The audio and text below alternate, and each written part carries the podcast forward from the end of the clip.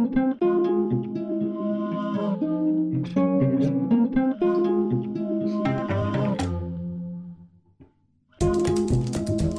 a bolygóközi túrára vágysz, biztos van pár érdekes destináció. Van, ahol folyékony alkoholóceánt vizionálnak a bolygókutatók, úgyhogy ez lehet, hogy izgalmas célpont. De azoknak is van jó hírünk, akik inkább a Földet távérzékelnék, és még a szobából sincs kedvük kimozdulni. És ezeknek a technológiáknak én úgy érzékelem, hogy, hogy ebben az évben a, a fókusza az a drón technológia. Vagy inkább a csatornákba húzódnátok? Hát jó. A csőgörénynek meg ez a jövője, hogy, hogy a járatokban repkedni tudó, önmagát irányító jármű, amin van valami fajta szkenner, mondjuk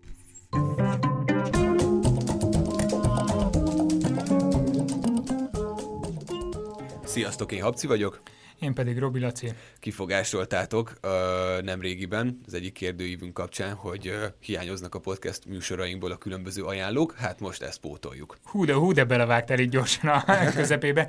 Egyébként a múlt heti adásban is mondtuk azt, hogy ha nektek vannak olyan programjaitok, amiket szívesen ajánlanátok másoknak is, osszátok meg velünk, írhatok nekünk a báziskukat szertár.com címre, és uh, akkor ezzel is tudtok segíteni nekünk abban, hogy hogyan szerkesszük a műsort. Úgyhogy ennek hiány inkább egy élménybeszámoló. Én voltam múlt héten Egerben. A varázstoronyban. A varázstoronyban, így van. Uh, Nagyon misztikus neve van.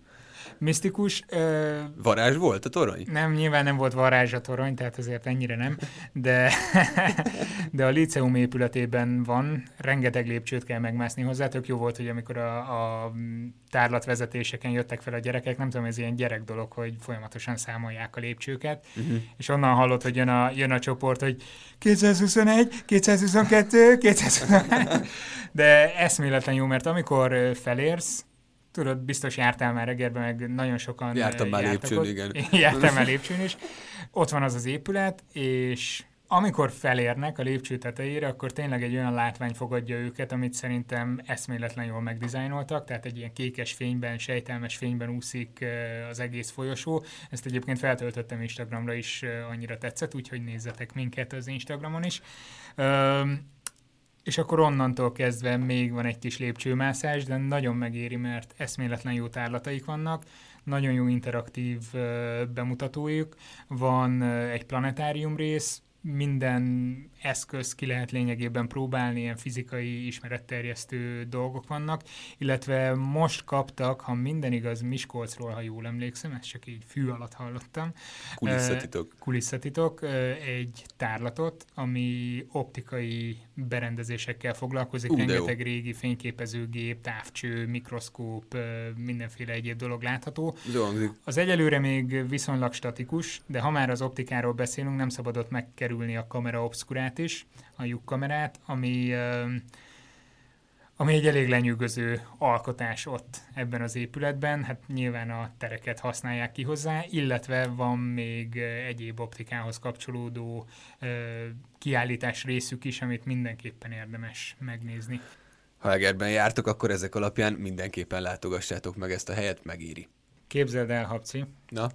Sok-sok évvel ezelőtt elmentem egy rendezvényre, ahol kísérletbemutatót kellett tartani, mi és mást? ott volt egy fickó, nyilván mi mást, aki viszont sokkal izgalmasabb témákról beszélt, vagy nekem úgy tűnt, egy bolygókutató volt. Ki volt az? Mondd a nevét. Nem árulom el még. Marsról beszélt a gyerekeknek, eszméletlen jó volt, megnyerte a közönséget, főleg azzal, hogy minden helyes válasznál Mars csokikat dobált a gyerekek nagyon felé. Eredeti. Úgyhogy nagyon, nagyon, nekem nagyon tetszett. Örültem volna, hogyha én is részt vehetek ebben a játékban.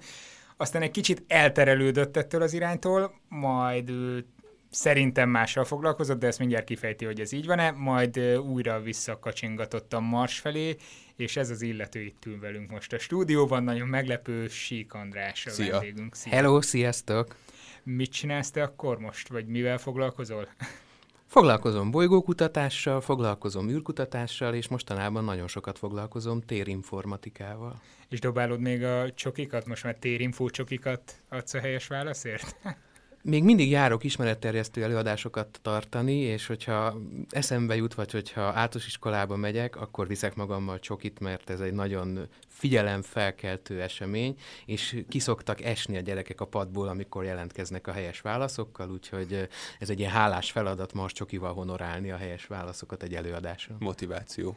Így van, ezt, így van, ezt lehet, hogy a gamifikációs adásba is be lehetett volna venni ezt a példát, mert ott pont volt is ilyenről szó. Sőt, Meskó Berci is azt mesélte a múltkor, hogy ő is osztogat csokit osztogat a Igen. hallgatóinak Igen. az egyetemen, úgyhogy ez úgy látszik, hogy egy univerzális Úgy tűnik, hogy ez egy jó dolog. megoldás, hogy fenntartsuk az érdeklődését a hallgatóságnak. Itt azért mindkettőnknek egy kicsit tágra nyílt a pupillája, vagy beszűkült, vagy nem tudom, amikor mondtad a térinformatikát, nem is azt, a távérzékelést.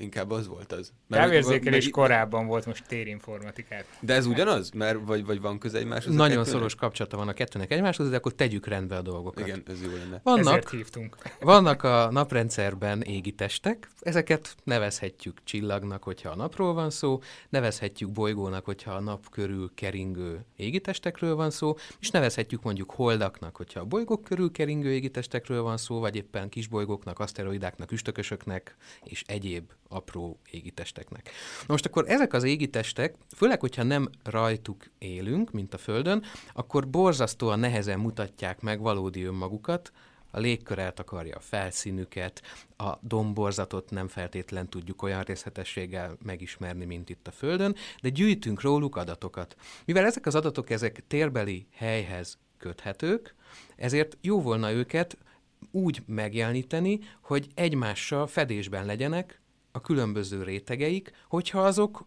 a valóságban is egymással fedésben lévő objektumokat mutatnak be nekünk. Lehet gondolni mondjuk a légkörre, lehet gondolni mondjuk a szilárd felszínre, lehet ugyanígy a folyékony szférára, amit a Földön ugye hidroszférának nevezünk, vízburoknak, de más égitesteken elképzelhető, hogy más összetételű folyékony közeg alakította a felszínt. Például. Így van, a Titán nevű holdon ez felmerül. És akkor vagy lemerül attól függően, hogy milyen a sűrűsége, amit belerakunk. Na mindegy, lesznek még ugye szóviccek, attól tartok. Van, ahol folyékony óceánt vizionálnak a bolygókutatók, úgyhogy az lehet, hogy izgalmas célpont oh. egy-két speciális érdeklődő számára itt a Földön. Szóval én hosszú-hosszú éveken keresztül foglalkoztam bolygókutatással, amelynek során megismertem azokat a technológiákat, azokat a szoftvereket és azokat az adatformátumokat, amivel mondjuk a NASA dolgozik, vagy az Európai Ügynökség dolgozik, és a Marsról űrfelvételeket, domborzatmodelleket és egyéb térbeli adatokat kellett egységes rendszerbe konvertálnom.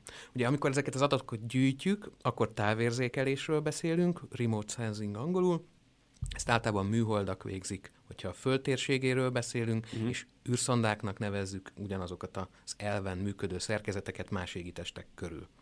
Ha pedig már ezekkel a távérzékeléssel előállított adatokkal dolgozni szeretnénk, egy rendszerbe integrálni, megjeleníteni, az űrfelvételt ráfeszíteni a domborzat modellre, elemzéseket, lefolyási modelleket végezni, és még sorolhatnám, akkor pedig a térinformatika eszköztárához nyúlunk, ez angolul Geoinformatics, esetleg a GIS kifejezés lehet még ismerős a hallgatóknak, és aztán ahogy a Marsról az érdeklődésem egy picit elfordult a földi alkalmazások felé, és az egyetem persze ebben fontos lökést jelentett, hiszen nem annyian, nem annyian szerettek volna bolygókutatók lenni, mint amennyi geográfus hallgatót érdekelt a térinformatika.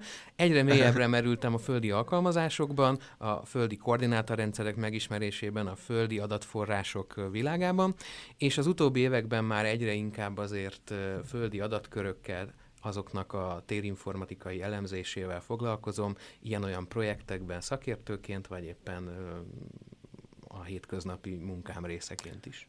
És ez hogy néz ki? Ez inkább a, a bolygóktól indul ki ez a tudományág, vagy inkább a Földről, és visszaad egyik a másikra? Vagy... Na, nagyon érdekes ez a kérdés, mert ö, ugye a földi térképezés, a térképészet több száz éves, vagy hát igazából egy-két ezer éves tudomány.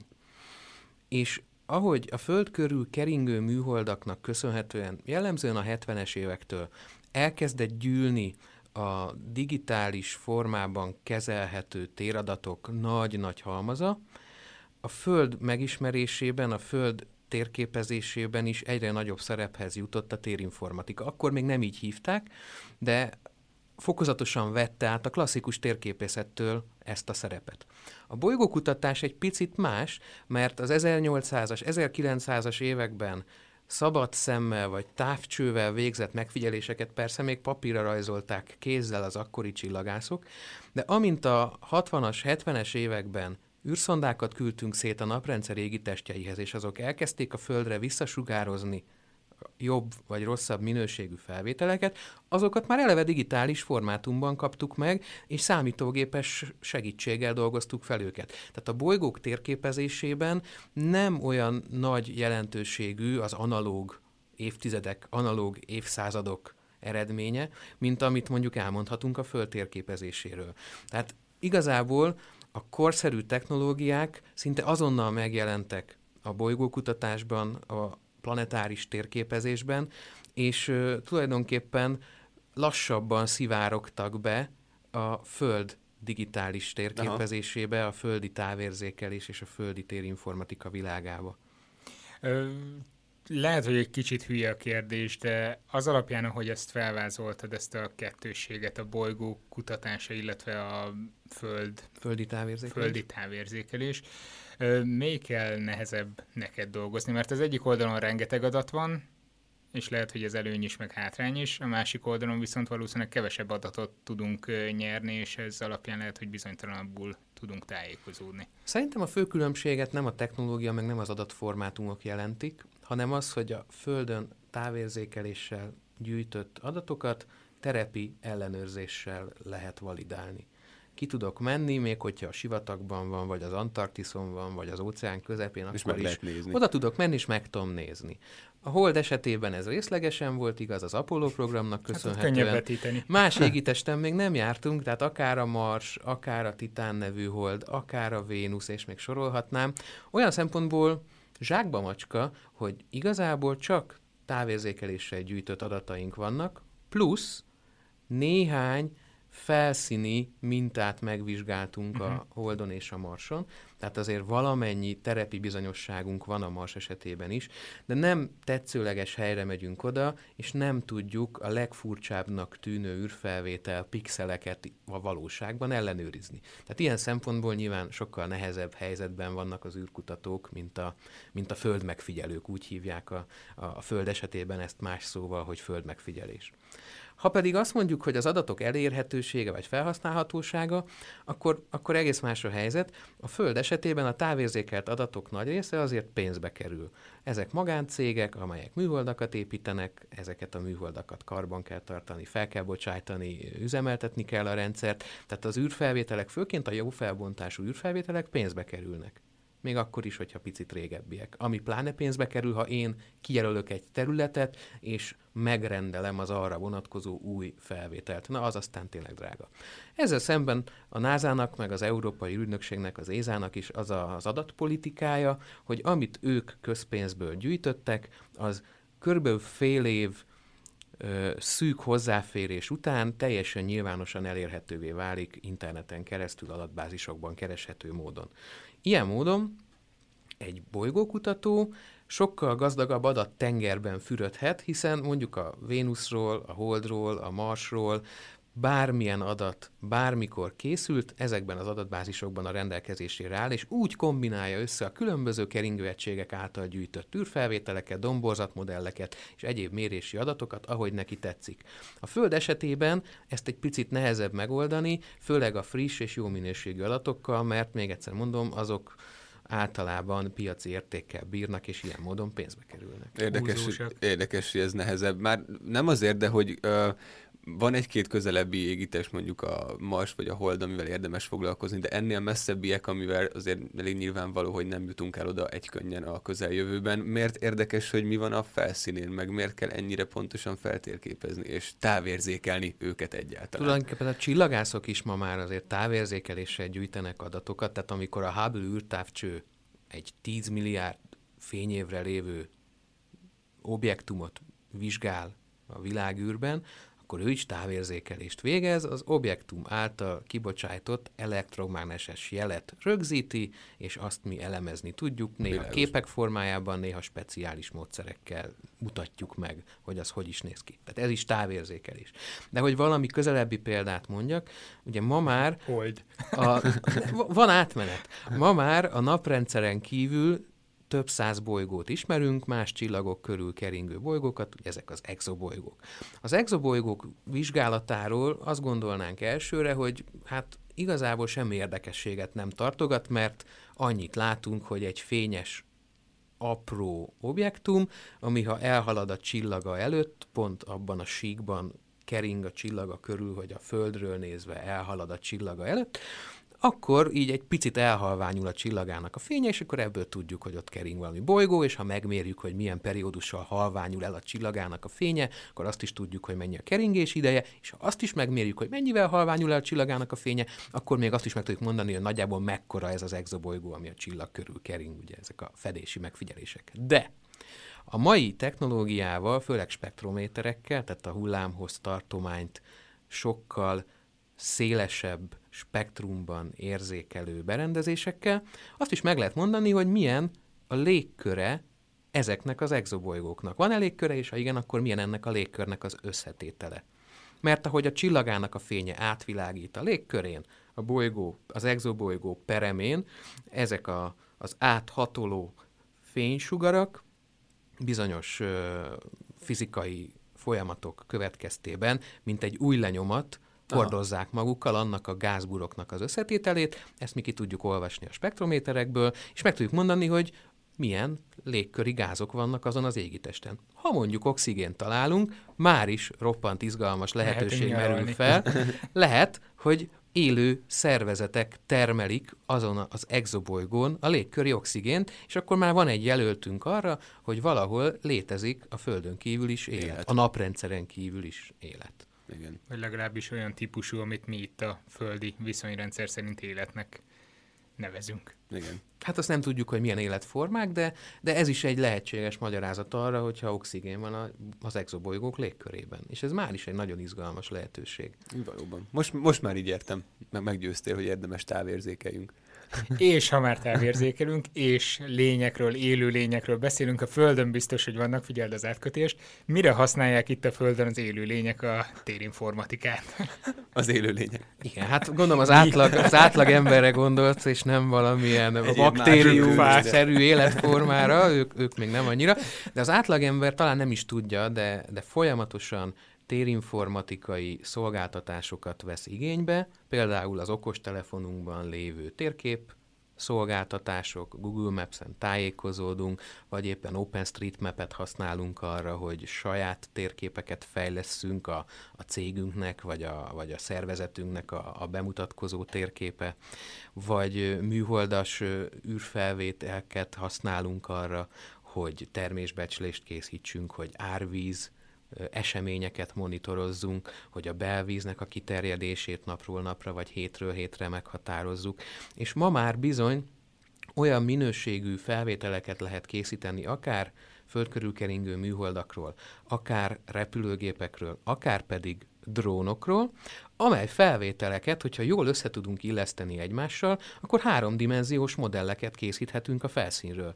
És Aha. ez nem csak a geográfusoknak érdekes, hogy lássák, hogy hogy folyik le a víz egy csapadék után. Nem csak az erdészeknek érdekes, hogy lássák, hogy mekkora a lombkorona egy adott területen mondjuk egy erdőkataszter készítése közben, hanem nagyon érdekes a települések számára, a beépített területeken nagyon érdekes építkezési megfigyeléseket vagy elemzéseket lehet végezni, hiszen egy És háromdimenziós... lehet vetni a mindenféle bírságokat, amikor megjelennek a medencék a kertben. Igen, hiszen egy háromdimenziós városmodell, egy háromdimenziós épületekből összeálló városmodell elképesztően sok mindenre használható már ma is, és még több mindenre lesz használható néhány éven belül, amikor az okos város technológiák, a smart city szolgáltatások behálózzák majd az életünket, és nagyon fontos lesz tudni, hogy milyen környezetben működik egy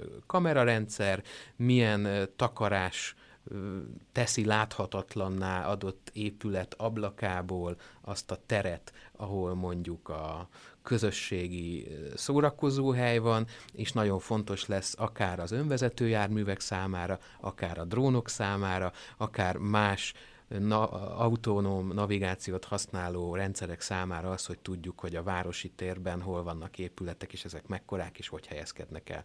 És mindezt a, a, az alap adatbázist, vagy alapadatbázisokat a távérzékelés gyűjti össze, és a térinformatika eszköztára teszi felhasználhatóvá számunkra. Arra gondoltam, miközben hallgattalak, hogy úgy látom, hogy ebből az adásból se ebből az adásból sem fog kimaradni majd az okos koncepció, nem, vagy az, nem, hogy nem, nem. megjelenik majd a dolgok internete, meg a minden az egymással megjelenik. kommunikál, az stb. Tehát nagyon furcsa most ebből a megvilágításból megközelíteni ezt az egészet. Szerinted mennyire fikció az, hogy egy okos város szintet elérjünk, vagy ezt mikorra fogjuk elérni mondjuk itt Budapesten például? Igen, és akkor én ráfűznék és erre mit nevezel majd ennek, hogy okos város? Illetve, hogy Budapestről készül-e már valami ilyesmi ö, 3D modell? Vagy van-e már egyáltalán? Hát az okos város kérdésre válaszolva először, ugye számos definíciója van annak, hogy, hogy mit nevez a szakirodalom okos városnak.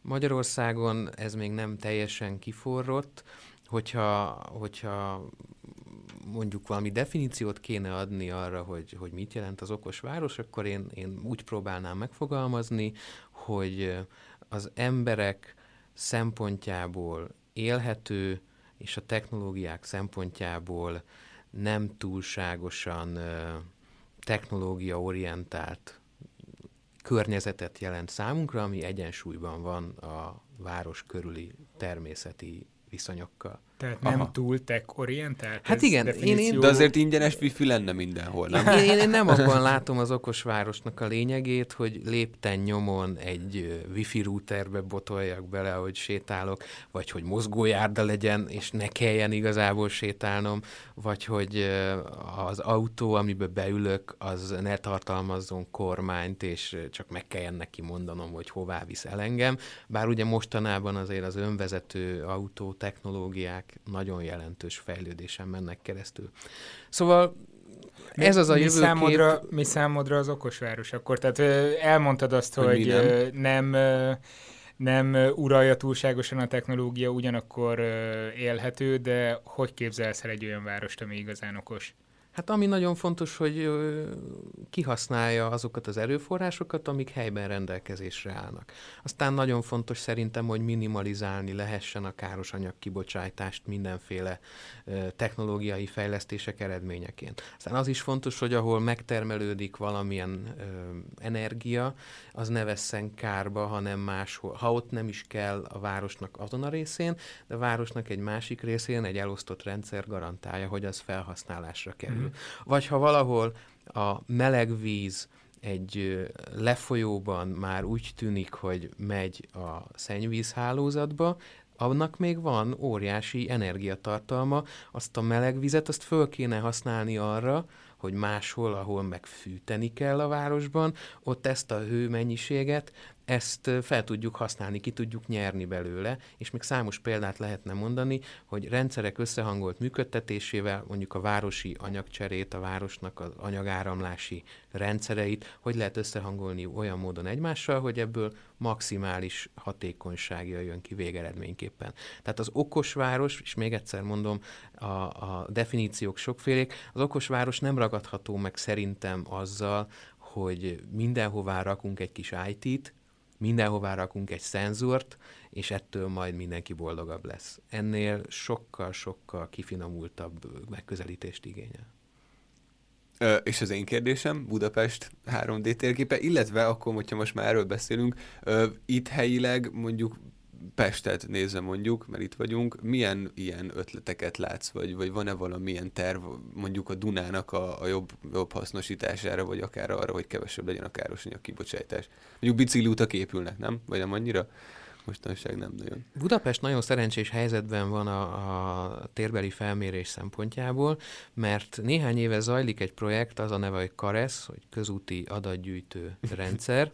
Ezt a, a BKK közút elnevezésű szervezet kezdte el, és az a lényege, hogy lézerszkennerrel és fényképezőgéppel felszerelt jármű végigjárta Budapest több ezer kilométernyi közúthálózatát, és rengeteg fotót készített, illetve a lézerszkenner, ami ennek a járműnek a tetején van, az ugye folyamatosan forog körbe, lézernyalábokat bocsájt ki, ezek visszaverődnek, és a visszaverődést adatait összegyűjtve a saját környezetéről a szenzornak egy háromdimenziós pontfelhő készíthető el. Uh-huh. Most ez a pontfelhő, ez egész Budapestre megvan, és ezek a pontok, amik Ez alkotják, jó. több milliárd darab pontról beszélünk, ezek a pontok, amik alkotják, ezek uh, igazából centiméter pontossággal, vagy egyes állítások szerint még centiméternél is nagyobb pontossággal leképezik háromdimenziós modellbe Budapestet, virtuális Budapesté. Tehát ezt úgy képzeljük el, mint mondjuk egy Google Street View autó, ahogy megy végig, csak Igen. nem sima fényképeket csinál, hanem ennél sokkal jobb felbontású adatok. Igen, és valódi 3D adatokat állít elő. Aha. És, és el, ezt mire használjuk? Ezt nagyon sok uh, féle adatbázis alapjaként lehet használni, akár a közlekedés szervezésben, akár a közlekedési táblák nyilvántartásában, akár a közterületi utcabútoroknak a nyilvántartásában, és akár fakataszter, egy városi fakataszter elkészítésében, ugye uh-huh. pont felhőből már lehet osztályozásokat végezni, akár az épületek homlokzatának a háromdimenziós felmérésére is ez jó lehet. De azt szerettem volna még hozzátenni, hogy ami így készül, az egy nyers pontfelhő, több milliárd pontról beszélünk Budapest esetében. Ez így még nagyon-nagyon nehézkesen használható csak bármilyen későbbi ö, alkalmazásban.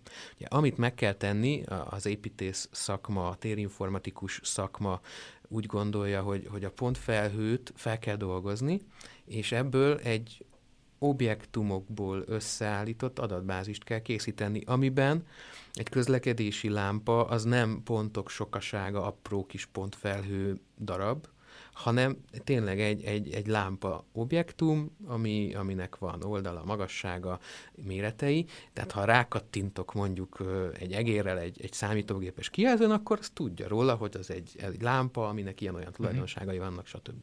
Tehát az, hogy a pontfelhőből hogyan lesz egy vektoros adatbázis objektumokkal, az már egy sokkal izgalmasabb kérdés, mint önmagában a pontfelhőt előállítani. Ezt nyilván el lehet kezdeni kézzel megrajzolni, hát így több évig, sok évig tart, amíg egy Budapest méretű városnak elkészül a vektoros adatbázisa. Itt kanyarodunk majd vissza a mesterséges intelligenciára. Így van, de vannak ma már eljárások arra, hogy például egy épületnek a homlokzatát hogyan lehet egy pontfelhőből automatikus vagy félautomatikus eljárással megtalálni. Illeszteni kell a pontokra síkokat, valószínűségi illeszkedések alapján, és ezek a síkok találkozási vonalaik mentén kiadnak éleket. És hmm. ilyen módon, hogyha a megfelelő sűrűségű pontfelhőn van, akkor az épületek kinyerése egy ilyen modellből az ma már viszonylag nagy biztonsággal elvégezhető automatikusan a korlátoknál, a, a, a parkoló automatáknál, a lámpáknál és az egyéb köztéri objektumoknál más a helyzet, mert ugye előre meg kell mondanom a feldolgozó algoritmusnak, hogy milyen típusú objektumokat keressen. Uh-huh. Tehát, hogyha előre megmondom neki, hogy egy 50x50 centiméteres levegőben lévő sík elem az valószínűleg egy közlekedés, egy kresztábla, akkor fel fogja ismerni. De ez így előre meg kell neki mondanom, hogy így mikre számítson, miket keressen, és ennek az algoritmizálása az bizony nagyon komoly matematikai felkészültséget igényel, illetve ezeknek az algoritmusoknak a lefuttatása pedig nagyon komoly informatikai hátteret, hardware infrastruktúrát igényel. Pont ezt akartam kérdezni, hogy meg tudom-e nézni én valahol mondjuk Pestnek a 3D-s képét, de hát akkor válaszoltál, hogy nem. Vagy meg tudom? Mert hogy nyilvánosan, még, még nincs, nyilvánosan nincs a teljes modell ilyen módon nem Aha. érhető el. Ha sok pénzed van, igen. hogy feltörök valami adatbázis. De, de nyilván vannak mintaadatok, amik így rádión keresztül nem feltétlen mutathatók be, Persze, de, de lehet erről találni azért, hogy elképzelje a, a az érdeklődő állampolgár, hogy, hogy hogy néz ki egy ilyen háromdimenziós városmodell. Uh-huh. Viszont Megemlítem, majd a podcast alá. Úgy igen, hogy... megemlítem, hogy élen jár ebben a világon Szingapur, és ők egy virtuál Szingapur nevű projekten dolgoznak, aminek az a célja, hogy Szingapur teljes épületállományát, az összes ott lévő objektumot három dimenzióban eltárolják, és folyamatosan frissítsék is ezt az adatbázist, tehát ha ez így elkészül, akkor, akkor Szingapur lesz a világon az a terület, ami így a legpontosabban megvan 3D-ben. Szerencsére jó kicsi város. De, de dobogós, dobogós helyen van Budapest ebből a szempontból, tehát világszínvonalon is kiemelkedő oh. ez a, ez a Karesz rendszer, nem véletlenül együtt dolgoznak a szingapúriakkal. Aha. Na és Karesznak mikor lesz meg az első olyan kézzelfogható haszna, amit mi városlakók is használhatunk? Kareszt használják már, kareszt használják már budapesti önkormányzatok, kerületi építészeti osztályai közül némelyek már hozzáférnek olyan alkalmazásokhoz, amik a Kareszben gyűjtött adatokra épülnek. Én úgy tudom. Akkor Budapest egy okos város? Budapest tett már lépéseket abba az irányba, hogy, hogy okos város legyen, de Igen. azért szerintem, hogyha létezne olyan, hogy okos városok nemzetközi minősítő testülete, akkor nem feltétlen ütné még rá a a Budapest. De engem az megfogotta, hogy mondtad, hogy Budapest élen jár ebben, vagy elég kiemelkedő az adatfeldolgozásban legalábbis, akkor ezek szerint a környező országok városai hátul kullognak? Vagy, Őket nem érdekli ennyire az okosítás a város. Vagy me- mennyire látod ezt nemzetközi összehasonlításban? Hát vannak mindenféle hogy nemzetközi minősítő rendszerek, hogy a környék, úgy értem, hogy közép-kelet-európa, vagy kelet-közép-európa úgy talán picit elegánsabb fővárosai közül Budapest hogy áll, és akkor szokott összehasonlítás történni, akár Prágával, akár Pozsonnyal, akár Bécsel. Okosság szempontjából vannak is ilyen ranglisták, nemzetközi ranglisták. Hát nem, nem feltétlen vezetjük ezeket a ranglistákat, úgyhogy azt mondom, hogy innen szép nyerni Budapest. ja, értem, értem, értem. Tehát azt lehet látni ezeket az összehasonlításokat, hogy melyek a legélhetőbb városok Bécs rendszeresen ott van a topban, de lehet, hogy mi jobbak vagyunk adatfeldolgozásban, nem? Bízunk benne, hogy, hogy ez jó példa lesz, és sok alkalmazás követi, mert igazából ugye a ráépülő alkalmazások jelentik a lényeget. Ha majd én az okostelefonomon olyan alkalmazásokat vehetek igénybe, amik mondjuk háromdimenziós adatokat mutatnak meg, és arra épülnek, akkor, akkor elmondhatjuk, hogy tettünk lépéseket előre. Elég most csak erre a Pokémon őrületre Ugyanezt gondolni. mondani, hogy rögtön tudok egyet mondani, ami Így használja van, ezt ami, már ami ugye igazából folyamatosan keveri a valós teret a virtuális térrel, és a virtuális térben létező kis Pokémonokat oda vetíti nekem a valós térbe, de ekközben a telefonom folyamatosan be van kapcsolva, fényképez adatokat gyűjt, amelyeket elküld a Pokémon fejlesztő cégnek a központi szerverére. Tehát, hogyha így valaki meg fogja tudni három névben rajzolni a világot, lehet, lesznek. hogy azok elsőként ők lesznek. Bár megjegyzem, hogy most már a Google is elkezdett egy olyan projektet, ami hasonló a Google Street View adatgyűjtéséhez, és már nem csak fényképezőgépek vannak ezeknek az autóknak a tetején, hanem lézerszkennerek is. Tehát ők is elkezdték azt a fizikai letapogatást, amit a Karesz már évek óta csinál Budapesten. És Veterán hát Karesz. Majd, majd meglátjuk, hogy a Google Az már Károly.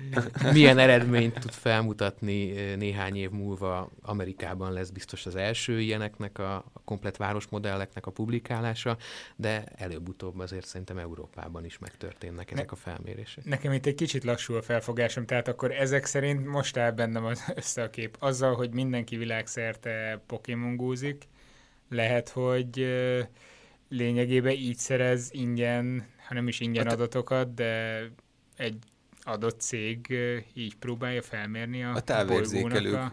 malmára hajtja a vizet folyamatosan. Igen, hát, területeit? Akkor nagy, ez na... mögötte az üzleti modell, nem az, hogy hány pontot vehetsz meg. Nagy balfácánság lenne, hogyha nem gyűjtenék össze azt a rengeteg-rengeteg téradatot, amit a Pokémon vadászok beküldenek a központba.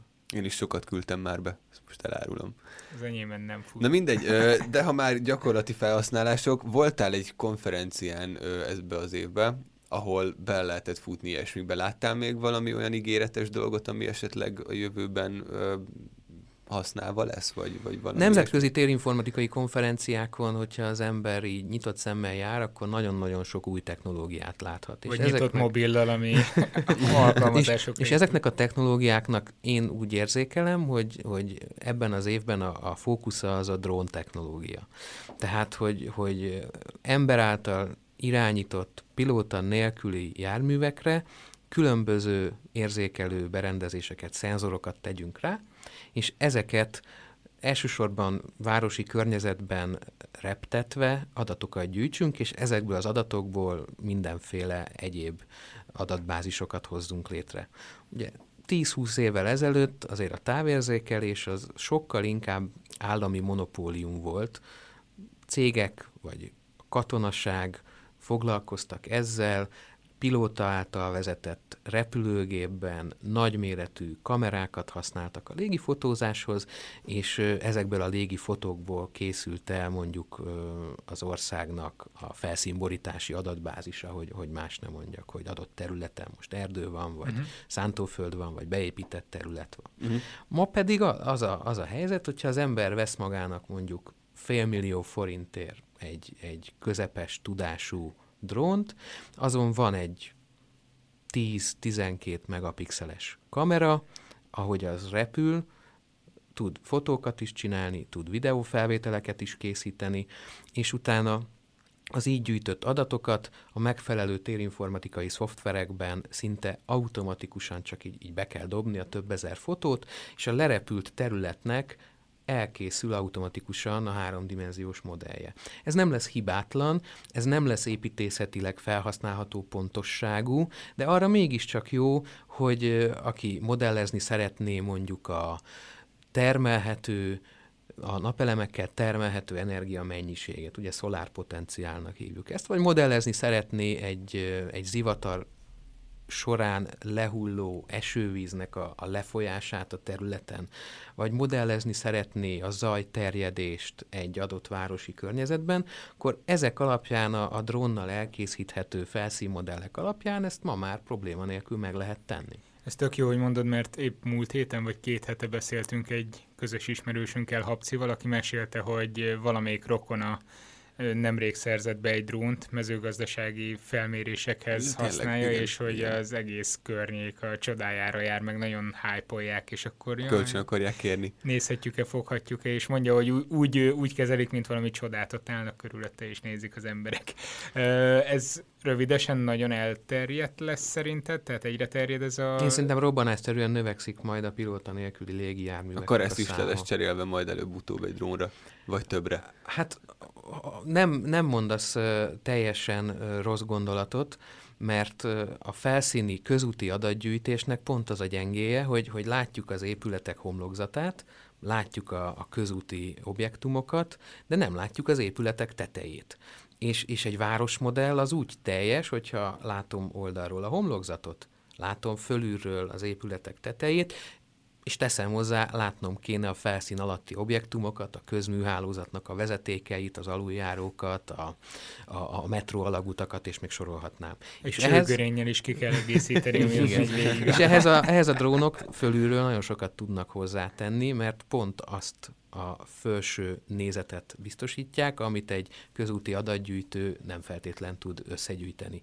És aki látta a Prometheus című science fiction filmet, ami az Alien sorozatnak a legutóbbi darabja, az emlékezhet rá, hogy abban voltak olyan kis maguktól repülő golyó, biliárdgolyó méretű térképező modulok, amik végigmentek az Alien űrhajónak a belső járataiban, lézerszkennerrel letapogatták, és küldték a jelet az irányítóközpontba, és így valós időben kirajzolódott a legénység előtt annak az idegen űrhajónak a belső alaprajza 3D-ben, ilyen virtuális három hologram. Ami hologramos volt. Ha, igen, igen. igen. Tehát, hogy, hogy a csőgörénynek meg ez a jövője, hogy, hogy a járatokban repkedni tudó önmagát irányító jármű, amin van valami fajta szkenner, mondjuk lézerszkenner, és ilyen módon be lehet járni villámgyorsan az ember számára még elérhetetlen csőrendszert, vezetékrendszert, járatokat is.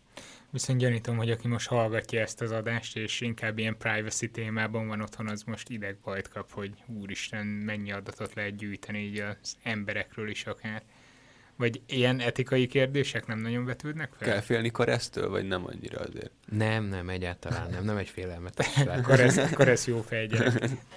Hát a, a drónok esetében ugye az a kérdés, hogy ha neked van egy magánterületed, és a fölött egy, egy drónos repülés történik, akkor, akkor van-e jogod azt mondani, hogy, hogy már pedig az én telkem fölé nem repülhet senki. Ugye van egy, van egy magasság, ameddig ez a privacy kérdést tényleg felveti, mondjuk 50 méter vagy 100 méter, de hát a fölött elrepülnek a szúnyogírtó repülőgépek meg elrepülnek, az utasszállító repülőgépek meg elrepül bármilyen Viszont más azokon nincsen kamera, hogy Hát azt nem nagy tudhatod, nem tudhatod, hogy van-e kamera, vagy, vagy nincsen kamera. Egyrészt, másrészt elrepülnek a műholdak is, és ugye a műholdakkal is lehet ma már kereskedelmi forgalomban fél méter felbontású képeket készíteni egy adott területről, fél méter per pixel részletességű képeket. Tehát a műholdak ellen meg igazából senki nem tud semmit tenni, azokat még csak lelőni sem lehet. A drónok ellen lehet védekezni olyan módon, hogyha te mondjuk garantálni akarod, hogy a, a nagyméretű telket fölé ne repüljön be drón, akkor vehetsz ma már olyan berendezést, ilyen digitális ö, védőbúrának szokták nevezni, ami tulajdonképpen egy jelzavaró, egy adóvevő zavaró, és egy adott sugáron belül minden elektromágneses sugárzást vagy jelet zavarni tud. Aha. És ugye a drónok azok távirányítóval működnek, és hogyha elvesztik a távirányítónak a jelét, akkor automatikusan megállnak egy helyben, vagy visszatérnek a felszállóhelyükre, vagy ha nagyon nagy gáz van, akkor így, így automatikusan leszállnak ott, ahol vannak. Lehet őket belegyűjteni akkor a szomszéd drónokat. Tehát, hogyha, hogyha nagyon védekezni szeretnél az ilyesfajta drónrepülések ellen, akkor vehetsz magadnak már egy ilyen digitális jelzavarót, és az garantálja, hogy a, a telket fölött, vagy hát egy adott sugarú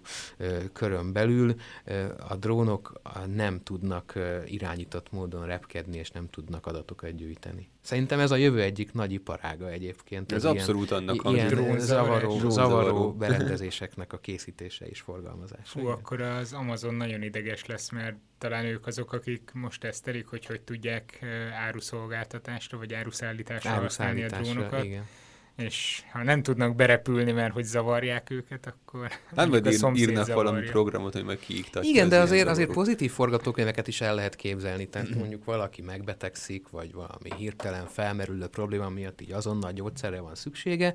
Milyen jó lenne egy olyan mobiltelefonos alkalmazás, hogy így megnyomok két gombot, és tudom, hogy öt perc múlva egy drón kihozza nekem az életemet megmentő gyógyszert azért ne becsüljük alá ennek Ugye, a jelentőségét. És, és, és még lehetne sorolni, hogy mennyi mindent tudnának nekünk segíteni ezek az eszközök, hogyha ilyen irányba haladna tovább a fejlesztésük. Te optimistán állsz a fejlesztésekhez? Hát Azért általában... kérdezem, mert általában minden adásban oda kanyarodunk, hogy nem, egy, volt már adás, ahol technikáról volt szó, technológiáról, és nem lett világkatasztrófa a vége, de szinte mindenki bedepressziózik a végére, hogy hát általában a van egy, van egy technológiai optimizmusom, igen, igen. Hát olyan dolgok lesznek öt év múlva a drónokra alapozva, amikre ma még igazából senki nem gondol. Tehát meg sem tudjuk szerintem mondani, hogy ez a technológia hová jut majd el öt év múlva ha kicsit gondolkodnánk, biztos kitalálnánk még olyan alkalmazásokat, amik létfontosságúnak tűnnek, és drónokkal sokkal egyszerűbben megoldhatók, mint drónok nélkül. Elég csak mondjuk az öntözésre gondolni olyan helyeken, ahová máshogy nem lehet vizet vinni. Ugye Milánóban most épült egy, egy olyan felhőkarcoló páros, hát felhőkarcoló azt hiszem 100 méter magas épületcsoport, amin egy erdőnek megfelelő mennyiségű fa, vagy bokor, vagy egyéb zöld növényzet helyezkedik el, és ezt az épületcsoportot, most csak így gondolkodom, milyen nehéz lehet így megfelelő gyakorisággal locsolni mondjuk. És hogyha lenne egy locsoló drón, ami ezeket a magas helyre kirakott, nehezen elérhető növényeket naponta megfelelő időközönként meglocsolja, akkor már is sokat spóroltunk, nem kell vízvezetékrendszert kialakítani, hogy minden növény időben megkapja azt a vizet a gyökeréhez. Hát, Laci, nagyon ráncolod a szemöldököt. Igen, nem tudom, én most elkezdtem gondolkodni, hogy valószínűleg a felhőkarcolóba egyébként is meg kell tudni nyitni a csapot a századik méteren is, vagy nem tudom hány emeletes. Na de ki fogja oda kivinni a locsolófejet minden nap egy felhőkarcoló lakosai közül? Jó, azért gondolom nem így öntözik, hanem van egy kiépített öntözőrendszer, amire már van technológia, vagy... Hát most csak mondtam egy ötletet. Most jó, mondj, jó, mondj, te egy, mondj te egy olyat, ami teljesen jó egyébként. Sőt, írjatok nekünk ti ötleteket, hogy szerintetek drónokat mire lehetne használni. Bármilyen vad ötlet előfordulhat, akár háztetői erdők öntözésére, vagy nem vagy, tudom. Vagy Írjátok meg, nagyon kíváncsiak vagyunk, hogy mit mondtok erre. Az adás elején beszéltük, hogy a Mars felé kacsingattál, most uh, itt térinformatikázol, de most megint uh, visszapillantgatsz a vörös bolygó felé? Időnként igen, azt gondolom, hogy kell tenni kirándulásokat, szó szerint is kell tenni kirándulásokat, meg a Meddé szónak átvitt értelmében is kell tenni kirándulásokat.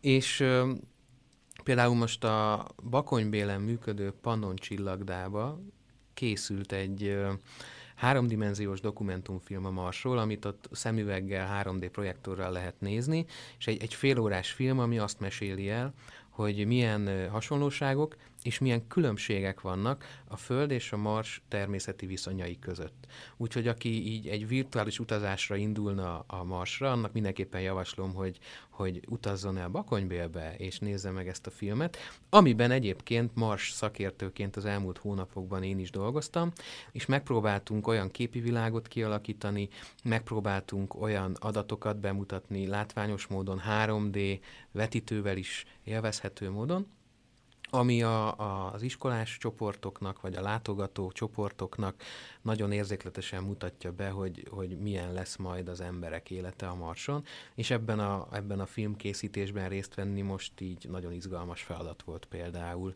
Még az egyik legjobb hazai analógia helyszínen Gánton, a mhm. bauxit bánya felhagyott meddőhányóinál is forgattunk néhány külső jelentet, amiben éppen azt meséltem el, hogy mennyire más a gravitáció, mennyire más a hőmérséklet, mennyire más a légnyomás a Marson, lehetne-e ott drónnal repülni például, és térképezést lehetne végezni? és térképezést végezni? Annyira ritka a légkör, hogy nem tudna felemelkedni egy, egy forgószárnyú, egy rotoros berendezés, de van már koncepció arra, hogy inkább ilyen levegőnél könnyebb léghajó típusú szerkezetekkel lehetne egész Aha. kis magasságban térképezést végezni a Marson. Meg, meg a vitorlázó repülő az valószínűleg egy olyan technológia, ami, ami ott is működne. Ugye, igaz, hogy ritkább a légkör, kisebb a felhajtó erőd, de a gravitáció is csak egy harmada a földi értéknek, így aztán lehetne alkotni olyan nagyon-nagyon könnyű szerkezetet, ami képes lenne repülni a Mars légkörében.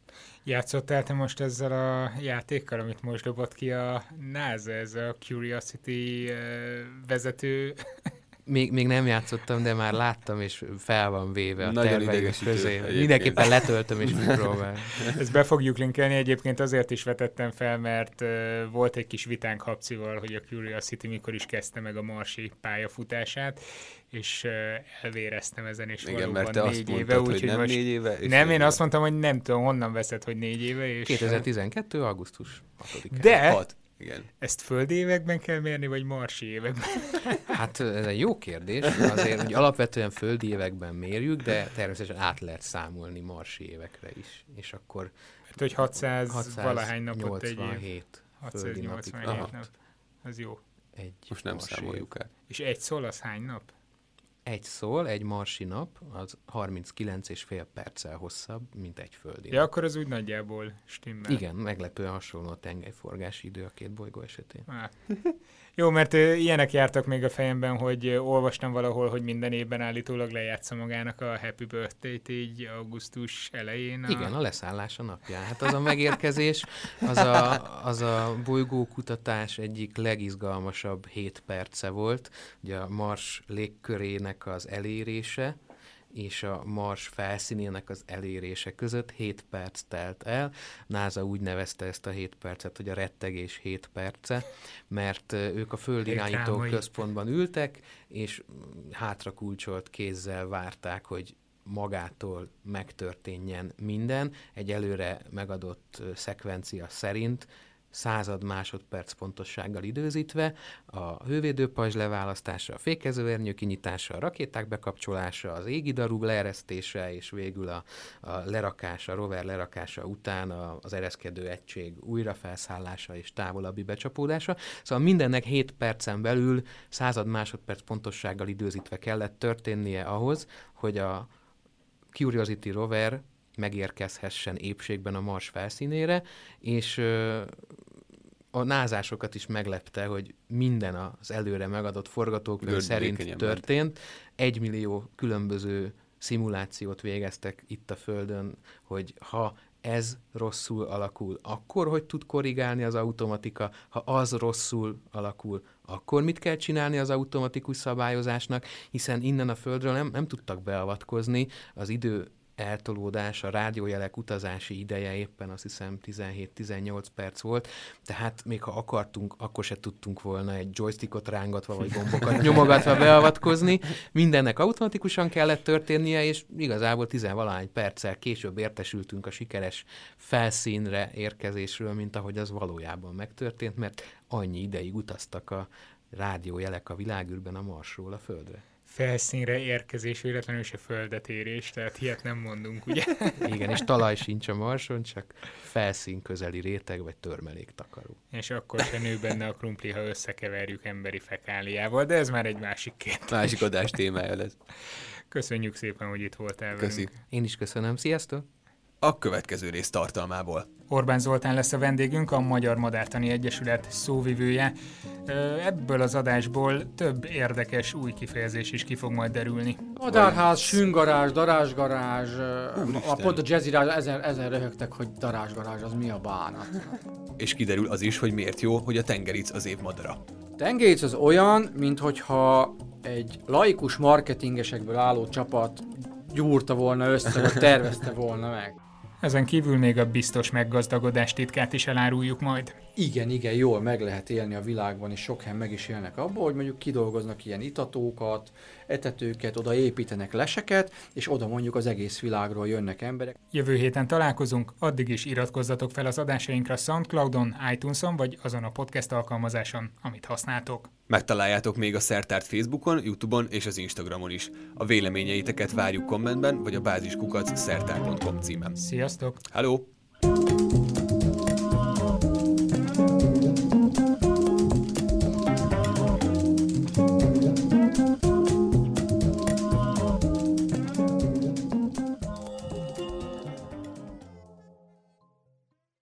Ez a műsor a Béton közösség tagja.